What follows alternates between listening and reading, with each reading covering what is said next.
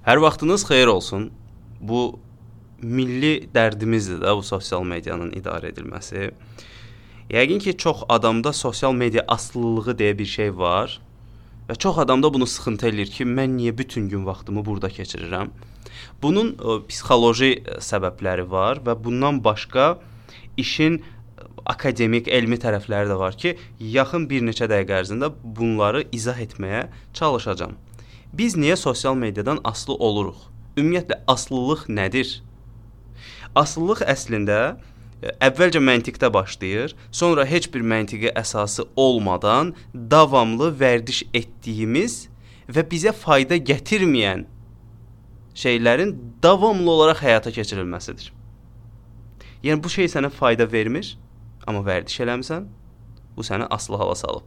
İçkidən asılılıq kimi, siqaretdən, digər zərərli maddələrdən, yemək də ola bilər bu və ya sosial medianın özü tam bu asılılığın mərkəzində dayanır. Məsələ burasındadır ki, beynimizdə bir ilkel beyin deyə adlandırılan limbik sistem var. Hansı ki, duyğuların və instinktlərin yerləşdiyi bir sistemdir. Limbik sistem. Limbik sistem duyğularla bağlı olan məsələləri həyata keçirdiyinə görə sosial media da ora əməlli başlı təsir göstərə bilər. Amma bizim də bir digər o canlılardan fərqimiz olan beynimizin ön prefrontal korteks dediyimiz bir yerdə nə isə mühakimə etmək, analiz etmək, araşdırmaq, məntiqə dayanmaq kimi bir funksiyamız da var. Bu funksiya çox yaxşı çalışa bilməyəndə limbik sistemin dediyi məsələlərə uyğun hərəkət etməyə başlayırıq. Yəni sosial mediada gic-gic şeylərin, yəni gic-gic adlandırdığımız şeylərin trend olmasının əsas səbəblərindən biri budur. Çünki kütlə, məsələn TikTok. TikTokda kütlə söyüş, digər vulqar ifadələr, cəmiyyətə aid olmayan o deviant davranışlar deyirlər. Onlar, nə bilim, gic-gic şeylərin trendə düşməsi məsələsi var ki, orada trend özünü göstərə bilər. Sırağa gün iki qız e, gedib özünü atıb qatara, metroda qatar yoluna ki, TikTok üçün video çəkirdim. Və yaxud rayonda balaca-balaca yeniyetmə uşaqlardır. 4 nəfər yığılıb bir nəfəri döyür, deyir filan yerə salam göndər və s. və bu kimi şeylər trenddə olur. Məsələ ə, e, sosial medianın problemli olmasında deyil, məsələ düşüncələrin sıxıntılı olmasındadır. TikTok sadəcə imkan verir ki, Azərbaycan cəmiyyətinin əsas üzü orada görsənsin. Bəli, bizim əsas üzümüz odur. Öldürmək, döymək, eşq məsələləri, yaxşı oğlan, pis oğlan, vor məsələləri və s. bu kimi şeylər trendə düşür. Və biz bundan sevə-sevə istifadə edirik. Bax indi beynimizin limbik sisteminə uyğun şeylərdir bunlar. Amma mənim beynimdə analiz etmə, mühakimə, yəni beynimin ön hissəsində olan məntiqi proseslər daha güclü olduğu halda mən araşdırma eləyirəm ki, mən özümü söydürərək, özümü təhqir elətdirərək, öz üzərimdən lağlaq etdirərək cəmaatı güldürə bilərəm yoxsa yox? Artıq mənim akademik tərəfim, düşüncə tərəfim genişlənəndə daha geniş düşünə biləndə mən deyirəm ki, yox, bu düz hərəkət deyil. Bunu eləməməlisən. Daha mədəni olmalısan və bunu düşünən minlərlə, milyonlarla insan olanda, dolayısıyla cəmiyyət daha mədəni və daha akademik şəklə düşə bilər. Bu mədəni akademik dediyim də şey oturub saatlarla e, kitab oxumaq və yaxud ədəbi danışmaqdan getmir. Məsələ güləndə belə, ağlayanda belə onun bir zəka ilə olunmasından gedir.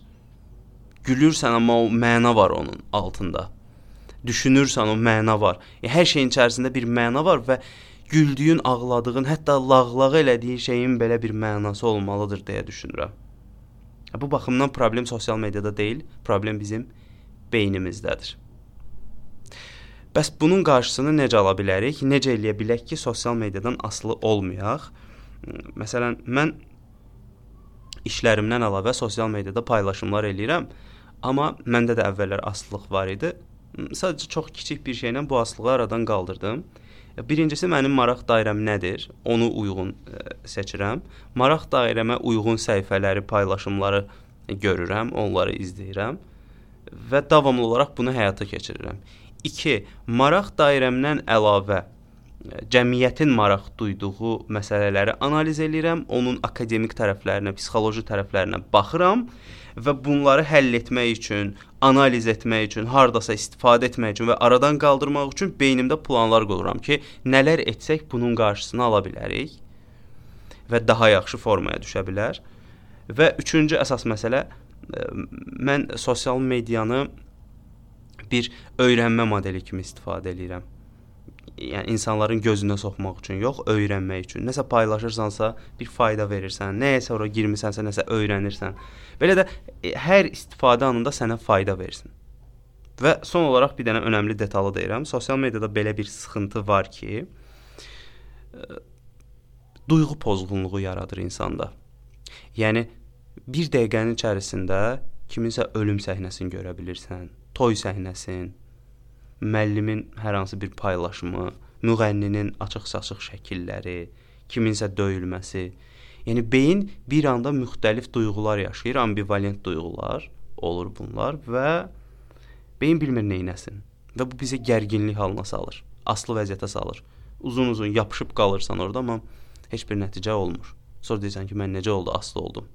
Yəni istənilən halda bax bayaq dediyim o limbik sistem, o ilkel beyni idarə etmək üçün mütləq beynin ön hissəsini analiz etmə, araşdırma, bacarığını formalaşdırmaq və məntiqə dayanan bir fəaliyyət həyata keçirmək lazımdır ki, bunun asılılığın qarşısını alaq. Başda da dediyim kimi, problem sosial media yox, düşüncələrin sıxıntılı olmasındadır. Podkastı dinlədiyinizə görə təşəkkür edirəm. Əlavələriniz olsa sosial mediadan danışa bilərik bu mövzunu. Çox sağ olun. Növbəti podkastlarda görüşərik.